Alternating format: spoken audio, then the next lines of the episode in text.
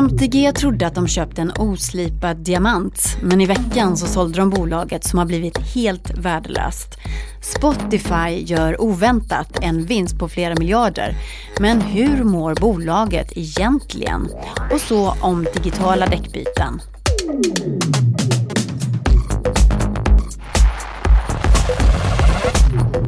Välkomna till Breakits podcast och ett smörgåsbord av spaningar från det nya näringslivet. Jag heter Katarina Andersson och innan vi kastar oss in i veckans spaningar, här kommer några korta nyheter från veckan som gått. I tisdags fyllde internet 50 år. Det var den 29 oktober 1969 som två datorer för första gången i världshistorien pratade med varandra. Men det gick inte så bra den gången. Datorn på UCLA, universitetet, skulle skicka kommandot login. Men mottagardatorn på Stanford kraschade bara efter två bokstäver. Det var först när World Wide Web skapades på 90-talet som det blev möjligt med Eh, webbsidor, bilder och ljud. Och det stora genomslaget för allmänheten kom med webbläsarna Mosaic och Netscape. Minns ni? Miljarderna strömmar ut från landet till spelbolag utan statlig spellicens. Det hävdar i alla fall flera av de svenska spelbolagsdirektörerna som Breakit talat med den senaste tiden. I en stor intervju med Dagens Industri säger Therese Hillman samma sak. Hon är VD för NetEnt som bygger plattformar för spelbolag runt om i världen. Nu kräver Therese Hillman hårdare tag mot de spelbolagen som rundar den svenska spellagstiftningen. Hon tycker till exempel att det ska bli förbjudet för svenskar att spela på sajter som inte har en svensk licens. Fortsättning lär följa i den här rätt infekterade frågan.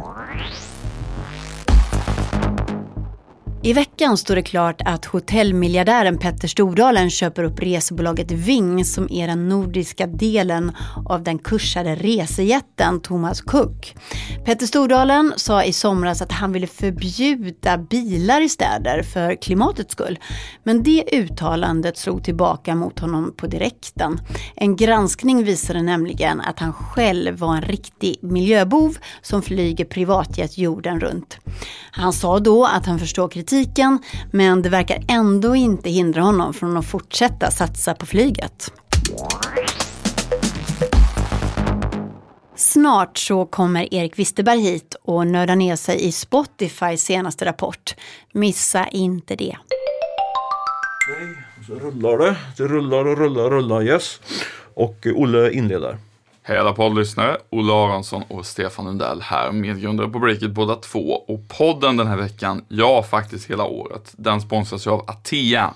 De erbjuder smarta helhetslösningar inom IT och elektronik till växande bolag. Mm, de tar hand om allt det där struliga som tar tid med tjänsten Go Eat Loop eller Go It Loop får du hjälp med att bli av med all gammal IT-utrustning som fyller skåp och lådor potentiellt. Givetvis är det ett säkert och miljövänligt sätt de eh, hjälper oss med de här sakerna. Mm, låter skönt. Och om ni ska investera i nya datorer, då har Atea precis fått in marknadens minsta desktop i e-shoppen. Det är Lenovos eh, kraftpaket ThinkCenter Nano och den är så liten att några av kollegorna på Breakit-redaktionen nog knappt skulle märka om den plötsligt stod på skrivbordet faktiskt. Den, den är väldigt liten. Ja, den här lilla, lilla rackaren eh, kan man köpa för 7495 kronor i Ateas e-shop. Gå in på www.atea.se e-shop för att läsa mer om detta eminenta erbjudande. Tack Atea för att ni sponsrar oss podd. Ja, men nu kör vi så du kan få gå hem eller gå och äta med mysig med din fru. Jag ska mysa med min fru klockan jag... sju, så jag vet inte, innan det så vet jag inte riktigt vad jag ska göra. Ja, men då kan vi sitta och mysa. jag ska sitta och titta på när du klipper podd. Jag ska faktiskt gå på matlag, så jag ska också mysa. Matlag, vad är det för någon kommunisthistoria? Är du en gammal röd strumpa? Nej. Nej.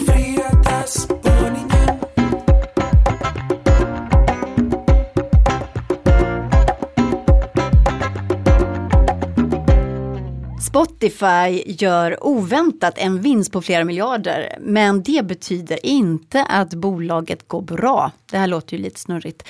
Så som tur är så är Erik Wisterberg här för att förklara alltihop. Hej Erik! Tada! Nu är jag här, Erik förklarar. Det är lite som han eh, Marcus Oskarsson Jag på vet TV4. att det var en hemlig dröm att du vill ha ett sånt program det i vill tv. jag, det vill jag verkligen. I public Ja, det är service. ett mål. Men vi går tillbaka till i måndags. Då satt jag här på helspänn framför datorn, redo att kasta mig över Spotifys kvartalsrapport. Men du, alltså på riktigt så gör ni det alltså? Ja, men du vet när man sitter så här och refreshar Ja. liksom tio gånger per sekund nästan, för att man vill liksom se. Den skulle ju komma klockan 11. Gud vad nördigt. Mm. Så då satt jag där. Eh, och sen kom den. Ja, klockan 11 så sa det pang, då låg den där i din mailkorg. Och den här rapporten fick ju Spotifys aktiekurs att rusa. Verkligen, den åkte faktiskt upp 16 procent, vilket ju betyder att, alltså översatt i pengar då, att Spotifys börsvärde ökade med liksom tiotals miljarder kronor bara på några timmar. Så det var ju fett. Mm, jag läste om det, eh, det var en rubrik som löd Spotify vände förlust till vinst. Det skrev eh, till exempel Dagens Nyheter. Eh, och det låter ju som att det går väldigt bra då. Ja, det kan man ju tro. Man brukar ju, bara, man brukar ju snabbt titta på det där, rörelseresultat och, och resultat eh, före skatt och sånt där. Men faktum är att en stor del av det plusresultatet som Spotify redovisade, det förklaras faktiskt av att bolagets aktiekurs har pressats ner så mycket under hösten. Den har varit nere på 112 dollar, vilket är väldigt långt under de 166 dollar som man fick betala om man köpte aktier vid börsnoteringen. Mm, Men en låg aktiekurs, det brukar betyda något dåligt, alltså om man inte har jättemycket ekonomikunskaper som inte jag har. Så hur kan det här då vara förklaringen till att Spotify går så bra? Ja, det låter ju helt snurrigt för det är som, precis som du säger. Men så här är det då. Spotify har ju som vissa av er vet låtit optionerna flöda. Eh, många anställda har fått chansen att bli delägare via sådana här personaloptioner. Och Spotify betalar sociala avgifter på de här utestående optionerna i flera länder. Och så det är en stor kostnad då för företaget. Och när Spotifys aktiekurs går ner så pass mycket som den har gjort då innan den här rapporten, då sjunker de här kostnaden. Så när kursen går ner mycket, då blir den här effekten väldigt kännbar. Mm-hmm. Är det här någonting som du har räknat ut själv? Nej, det är faktiskt inte det, utan det skrev Spotify rakt ut i sin rapport att huvudorsaken till att rörelseresultatet blev en halv miljard plus istället för hundratals miljoner minus handlar om minskade kostnader för aktierelaterade ersättningar. Och samma sak gäller faktiskt för resultatet efter finansiella poster som blev nära 3 miljarder plus. Det är också en effekt av värdepapper, så kallade varanter eller warrants som Daniel Ek och Martin Lorentzon med flera har fått.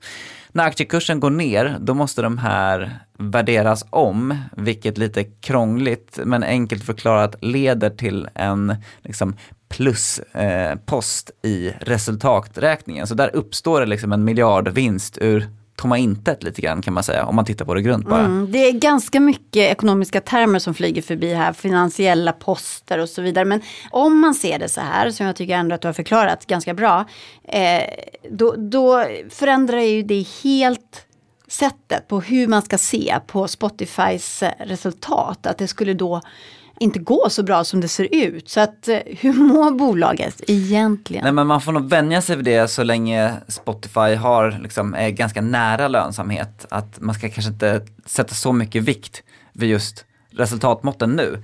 Det bästa som jag brukar titta på just nu är ju bruttomarginalen för Spotify. Det är hur mycket pengar som bolaget får behålla per hundralapp man drar in när rättighets och distributionskostnader har dragits av. Det låter logiskt. Ja, och den ligger just nu på runt 26 procent, vilket inte är särskilt bra. Netflix, ett annat streamingbolag, ligger som jämförelse på nära 40 procent och det här är ju Spotifys största utmaning långsiktigt. Så att om man vill ha en så här snabb bild på hur det går för deras grundläggande affär, så titta på bruttomarginalen.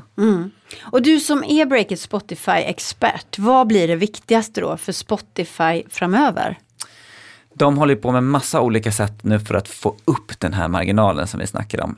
Ena grejen är ju poddar. Eh, liksom, om man spär ut den här, det är lite som man spär ut dyr öl med lite vatten i, i liksom kranen på puben. Om man kan spä ut den här dyra musiken med billigare innehåll, alltså poddar som folk lyssnar på mycket, eh, så kan marginalen gå upp. Och en annan intressant grej är ju att de ska nu börja liksom, kräma ut pengar från skivbolagen genom att sälja exponering, alltså de vill ju rekommendera musik till dig, Kat, som, som skivbolagen får betala för att Spotify ska säga Åh, hej, här är en ny låt från liksom en artist som du förmodligen säkert gillar. Ja.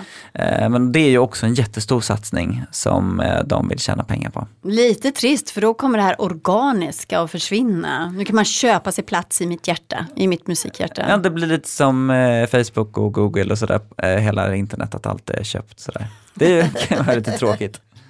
Gud, vi har så, vi har så deppiga Men, spaningar. men någon som är glad över det är ju Daniel Ek, han är jätteglad för han snackar ju om att det här är liksom, det kommer ge marginaler som remind us of software. Okej, grattis Daniel Ek. Tack för att du kom hit igen Erik. Tack.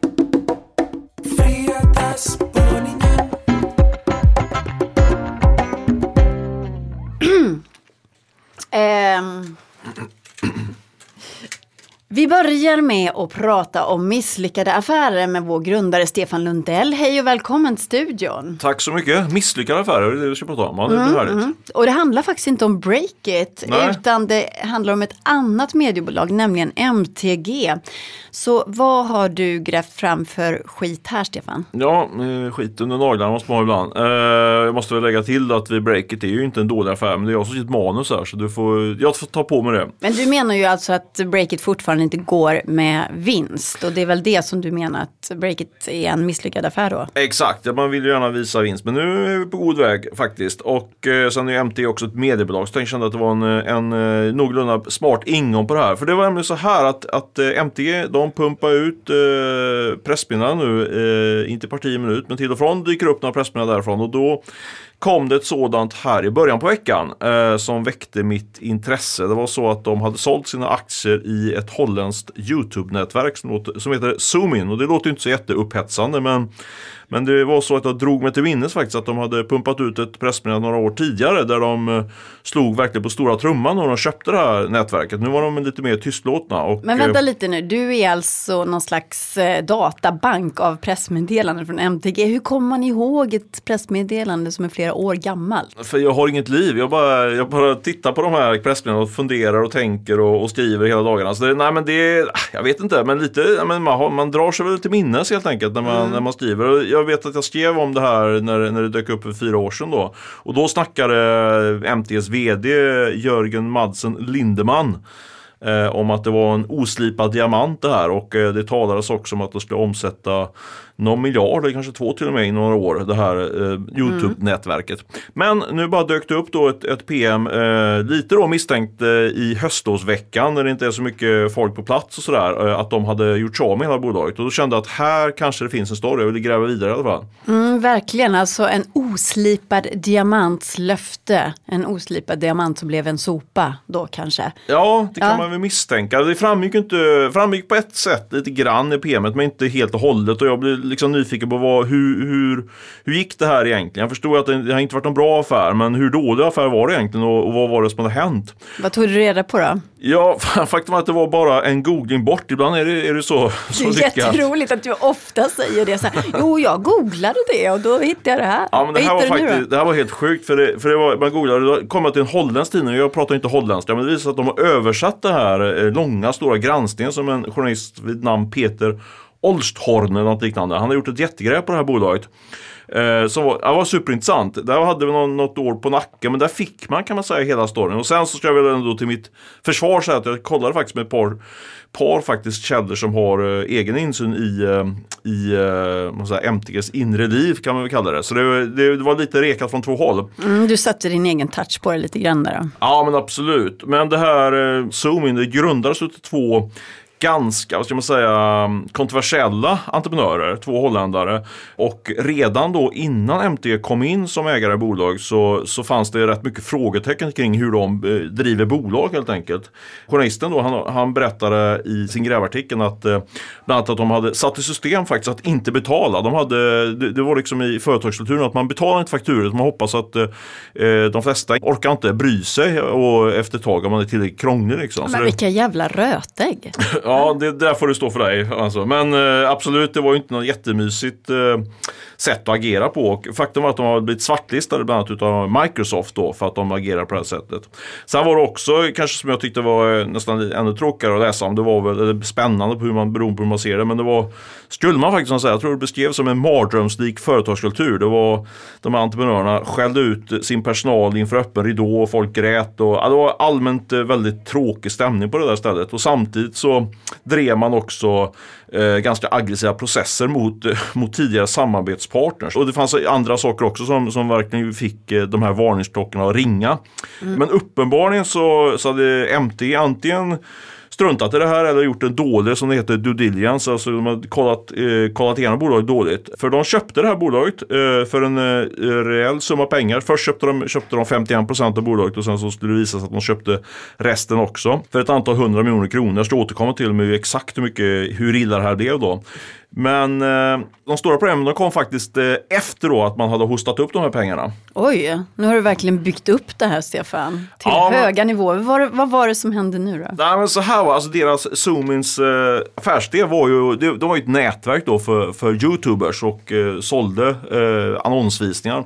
Så deras plattform byggde ju på eh, Youtube eh, och det visade sig efter bara några månader två så, så blossade upp en riktigt stor jobbig konflikt mellan Zoomin och deras liksom, plattform då, Youtube.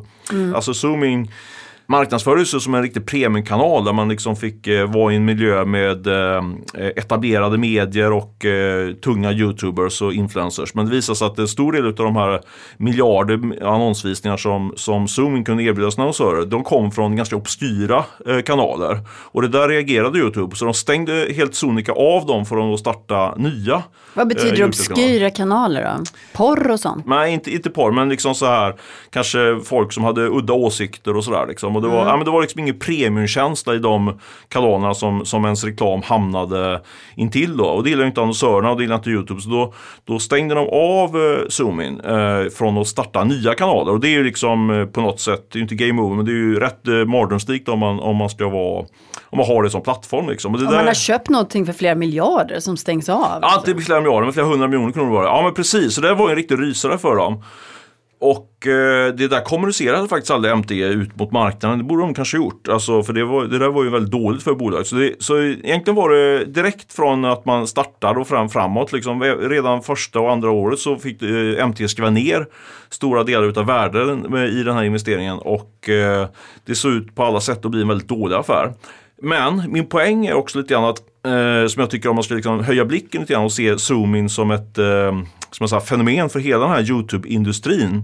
Så kan man säga att hade liksom den här Youtube-håsen hållit i sig så hade det kunnat bli en bra affär. Men eh, grejen var att hela marknaden för den här typen av eh, Youtube-nätverk den eh, kan man nog säga störtdök här från låt säga 16, 17, 2016, 2017. Och nu måste jag andas här lite grann för jag har pratat så länge. så, Ta ett par djupa där. andetag. Nej, men, eh, så här är det. Vi, vi skrev nämligen om det här i, i somras och då tyckte vi vi gjorde en kartläggning över de här svenska Youtube-nätverken och så noterade vi att alla i stort sett gick med förlust då, förutom faktiskt Jocke och Jonna Lundells eh, managers bolag, där gick vinst. Men rest, annars var det, var det liksom röda siffror överallt. Eh, och då funderade vi lite grann på vad det berodde på. Och eh, då skulle jag väl säga att Zoomin är väl kanske det tydligaste exemplet och förklaringen på vad det är som har hänt här. För det, det som har skett då är att då för, låt säga då 2014, 2015, då såg man ett antal riktigt stora framgångsrika Youtube-nätverk. Till exempel Splay här i Sverige som gjorde, hade bra tillväxt och gjorde vinst. Och då fick många andra entreprenörer upp ögonen för detta och strömmade in på marknaden. De vill göra samma grej. Exakt, de såg shit här kan vi tjäna mycket pengar. Eh, för det fanns ju också lite siffror i marknaden på vad, vad de här stora etablerade mediebolagen som till exempel faktiskt Disney och eh, Bertelsmann och även Bonnier här hemma i Sverige köpte upp de här Youtube-nätverken. Så många tänkte nog så här, yes jag startar ett Youtube-nätverk och sen så köper någon stor jätte upp mig. Och då betyder det att det kom det in jättemånga aktörer på marknaden och sen så stöp värdet då. Exakt, för då blir det väldigt många aktörer och eh, det, det blir ett överutbud utav, eh, utav reklamutrymme som annonsörerna kunde köpa in sig på i de här Youtube-kanalerna. Samtidigt då, eh, det var en väldigt jobbig mix där, för samtidigt så var de, de, de som var riktigt eh, framgångsrika och heta bland influencers och Youtubers de kunde spela ut nätverken mot varandra och, och trissa upp priserna från sitt håll. Så de, det blev en sån här som man brukar kalla på marknadsmässigt en squeeze, att man blev pressad från två olika håll. Och det där gjorde att eh, egentligen alla Youtube-nätverk gick, gick ner, ner i källaren då. Så det här är ju jättedåligt för MTG som precis då har köpt det här eh, Youtube-nätverket. Ja, katastrofal timing kan man säga och dessutom köper man utav två eh, rätt suspekta entreprenörer. Liksom. Och det gör då, om vi nu ska komma fram till slutpunkten på hur den här affären slutar då, att eh, Kinnevik torskar alltså 450 miljoner kronor på den här affären. Det är Oj. mycket pengar får man säga. Mm. Men det finns två vinnare och det är de två holländska entreprenörerna som man kan säga skrattar hela vägen till banken för de hoppar av. Summa summarum, eh, MT torskar 450 miljoner kronor och de andra två killarna plus lite andra riskkapitalister tjänar massa pengar. Mm. Så det här är en ganska sorglig historia rent eh, om, man, om man ser ur sensmoralens synpunkt. Alltså att rötäggen kom undan här med alla stålarna. Ja, du, det har inte tänkt på, men du har helt rätt, så är det faktiskt. Det är sorgligt. Eh, på mikronivå är det sorgligt sen på, och sen på, eh, så på makronivå är det väl eh, att man ska vara lite försiktig när, när det blåses upp den här typen av hypes runt olika delmarknader på mediemarknaden. Då är det lätt att alla springer åt samma håll och sen så tar det ännu med förskräckelse tror jag man säger. Va? Mm. Tack så mycket för att du kom hit Stefan. Tack för att jag fick komma hit. Du, innan du går måste jag fråga dig en sak. Ja. Jag tycker det är så spännande. Varje gång vi ska spela in podd så är du så här. Åh, kan jag spela in först? Kan jag spela in först? Kan jag spela in först? Vad är, vad är det för hängapp du har att du ska spela in först? Nej, men liksom? Jag vill liksom? alltid komma hem. Jag måste springa hem till mina barn och göra mat. Men idag är jag faktiskt gräsänkling så nu blir det inte. Men jag springer hem i alla fall. Sen ligger jag väl och chillar hela kvällen. Ja, men jag, det måste vara någonting med din tävlingsådra känner jag. Att är det, det är så? Något, ja, tror du inte kanske, det? Ja, kanske. Jag vet inte. Veckans poddavsnitt sponsras av speltechbolaget Kindred. Jag heter Ola Aronsson, är medgrundare på Breakit och står här med deras utvecklingschef Sören Törnlund. Du ska berätta om era så kallade virtuella team. Vad är det för någonting? På Kindred försöker vi få utvecklingsteamen så självständiga som möjligt. De ska kunna fatta de allra flesta besluten själva. Och det kräver att rätt kompetens finns i alla team när den behövs.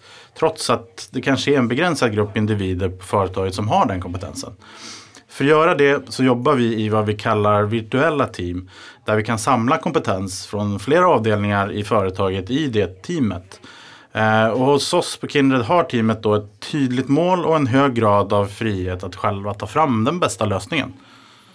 Just det. Du, det är många som pratar om den modellen upplever jag. Eh, team snabbt ska kunna sättas ihop, kanske sedan upplösas. Kan det också bli att vissa medarbetare känner sig lite vilsna i det? Vad tror du? Som medarbetare har du alltid ett hemmateam. Eh, men det kan bestå av kollegor med samma kompetens snarare än de du jobbar med just nu eh, på daglig basis. Och i ett globalt företag som Kindred betyder det egentligen inte team att man alltid sitter ihop. Eh, utan vi jobbar tvärs över de nationer vi finns. Fördelen är att du verkligen kan påverka slutresultatet. Just det, det blir lättare att nå de där resultaten om man är ganska ambitiös och om man kan tänka sig att jobba på det sättet kan man säga. Eh, du, eh, jätteintressant att höra. Tack så jättemycket Kindred och Sören.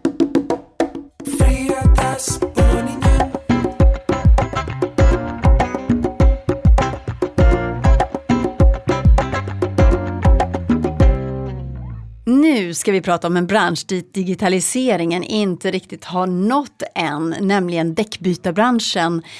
Eh, men det vill en entreprenör ändra på. Däckskiftarna som vuxit otroligt snabbt de senaste åren. Och just nu är de ju jätteheta eftersom det är just däckbytartider. Välkommen hit Johanna Ekström, Breakits reporter som just har snackat med däckskiftarna. Hej! Hej! Vad sa de? Eh, nej men, ja, de sa lite allt möjligt men vi började faktiskt fundera på det här bolaget redan förra året vid den här säsongen. För att vi är ju några på redaktionen som trots allt har bil och så kommer man på liksom i sista minut att man ska åka och byta däck och då är ju däckskiftarna de som finns till hands. För man behöver inte boka, det är drop-in på olika köpcentrum, parkeringar. Och... Det är någon slags pop-up företag ja, det här då, som dyker upp, ungefär som julgransförsäljare. Ja, det är det ungefär. Mm. Då får man ställa sig där i kö på parkeringen och vänta, men man slipper hålla på och boka och de har lite liksom, öppet lite senare och så. Så för oss som inte är så bra på att planera i det här, har ju det här varit väldigt bra. Mm. Eh, och, och de har alla däck och så här. Eller har alla Nej, man får ju ta med däck? sina däck. Liksom. Ja, det är så man gör. Okej, du märker att inte jag har bil, jag bara Nej. cyklar. Okej. Så man har alltså egna vinterdäck. Ja, som man plockar med sig. Det låter som en väldigt smart idé. De har ju vuxit med 100% de senaste årligen, de senaste Oj. tre åren. Och, de, ehm, och förra året så hade vi lite svårt att få tag på dem minns jag. Det kan ju bero på att de också granskades då av ehm, Aftonbladet. Som ehm, i den här granskningen så fick de mycket kritik då bland annat av facket för att de skulle ha liksom, långa arbetsdagar, sju dagars veckor och sådär. Det är någon slags säsongsarbetare då Ja. som byter däck då, Ja, som inte har så exakt. bra villkor Nej, kanske. men det pikar ju då två gånger om året och då är det säsongsarbetare som kommer hit och byter däck. Helt enkelt. Men i alla fall, jag har precis ganska här för någon timme sedan pratat med Alexander Javus som eh, förra året faktiskt gick in i däckskiftarna. Då fick han, som han själv uttrycker en möjlighet att gå in som majoritetsägare. Och eh, är även- han gammal entreprenör alltså? Han har varit med på mycket annat, Ja men, det? ja men exakt, han är inte en typisk break-it-entreprenör och däck är ju inte heller en typisk break-it-bransch kan man ju säga. Men han, han har liksom grundat något, någon, ett industribolag som går ganska bra och är lönsamt och han har ett fastighetsbolag som också är lönsamt. Så han är liksom lite mer traditionella branscher sådär. Eh, Men han i alla fall köpt in sig i det här bolaget och eh, Ja, han fick ju börja där då med att hantera den här granskningen, lite medie, mediehantering. Så han krishanterade, Ja, gjorde det han det bra då eller? Eh, äh, det var väl det klassiska. Vi jobbar på att lösa det här. Men förutom då att han har drivit en del bolag förr, vem är han då? Har du mer info om honom? Jo men han då är en, ja, han är en trebarnsfar som kommer från samma stad som jag, Jönköping. Och eh, när han då fick den här möjligheten, det var, det var lite sådär bekantas bekanta som det kom genom sa han. Eh, och gå in i däckskiftarna så tänkte han att ja, men det här är ju det är ett bra sätt att sprida, sprida riskerna lite för att Däck verkar trovärdigt ja, men fint. folk måste byta däck oavsett eh, konjunkturen. Ah, Eh, Så då klev han in och redan det året då som han klev in då, eh, 2018 så omsatte ju däckskiftarna 100 miljoner och eh, gjorde en vinst på 12 miljoner kronor. Men hur ser han idag på all den här kritiken som har riktats mot bolaget och arbetsförhållandena? Eh, jo, men det, det frågade ju såklart om och han sa att de har en nära dialog med facket och att de, de gärna skulle ha kollektiva avtal men att han tycker att de kollektivavtal som finns för den här branschen inte passar. Eh, eftersom det då blir lite speciellt med den här typen av säsongsarbete som pikar två gånger om året. Men han ville väldigt gärna prata om en annan sak och det är ju att just däckbranschen är en bransch som har, den är inte digitaliserad. Nej. Och det tänker han göra om eller? Ja, det är ju hans plan då. Det är ju något han brinner för. Att digitalisering och, ja, och, och få in den här, även den här väldigt manuella fysiska branschen in i det di- digitala. Mm, osökt undrar man ju då, hur ska däck kunna bli digitala? Ja, och då, nej men då har ju han det här året då, 2019, så har de, eh, då har de inte fokuserat lika mycket på snabb tillväxt i år. De har gjort en rad satsningar som han tror kan eh, generera mer för att de ska kunna växa ännu mer i framtiden. Förutom de här pop-up-verkstäderna så ska de även lansera en rad eh, fasta verkstäder som man kan komma till året runt och de ska liksom bygga en plattform för onlinebokning och allt möjligt. Och en, en stor del i det här är också att de bygger upp eh, en e-handel. Jaha, Eh, man de kan köpa på. sina däck? Man, ja, köpa, sälja, allt möjligt vad det nu var. Det var inte, han, exakta detaljerna vill han inte avslöja men, men det håller de på med och det kommer de lansera till våren är planen. Då får vi önska dem lycka till då, kanske, när det gäller att bli digitala. Ja, Mm, som, som däckbytare. Du då, har du bytt dina däcken? japp. Jag var tidigt ute i år. Mm, du har mognat. Nästa år ska jag inte ha en bil tänkte jag. Sådär ja, nu slår vi igen poddörren för den här veckan. Ansvarig utgivare för den här podden är Olle Aronsson. Jag heter Katarina Andersson. Jon Wahlqvist har varit hemma med snuva den här veckan. Han är poddredaktör i vanliga fall. Och som vanligt så är det Fredrik Nilsson som mixar podden. Tack så mycket, hej då!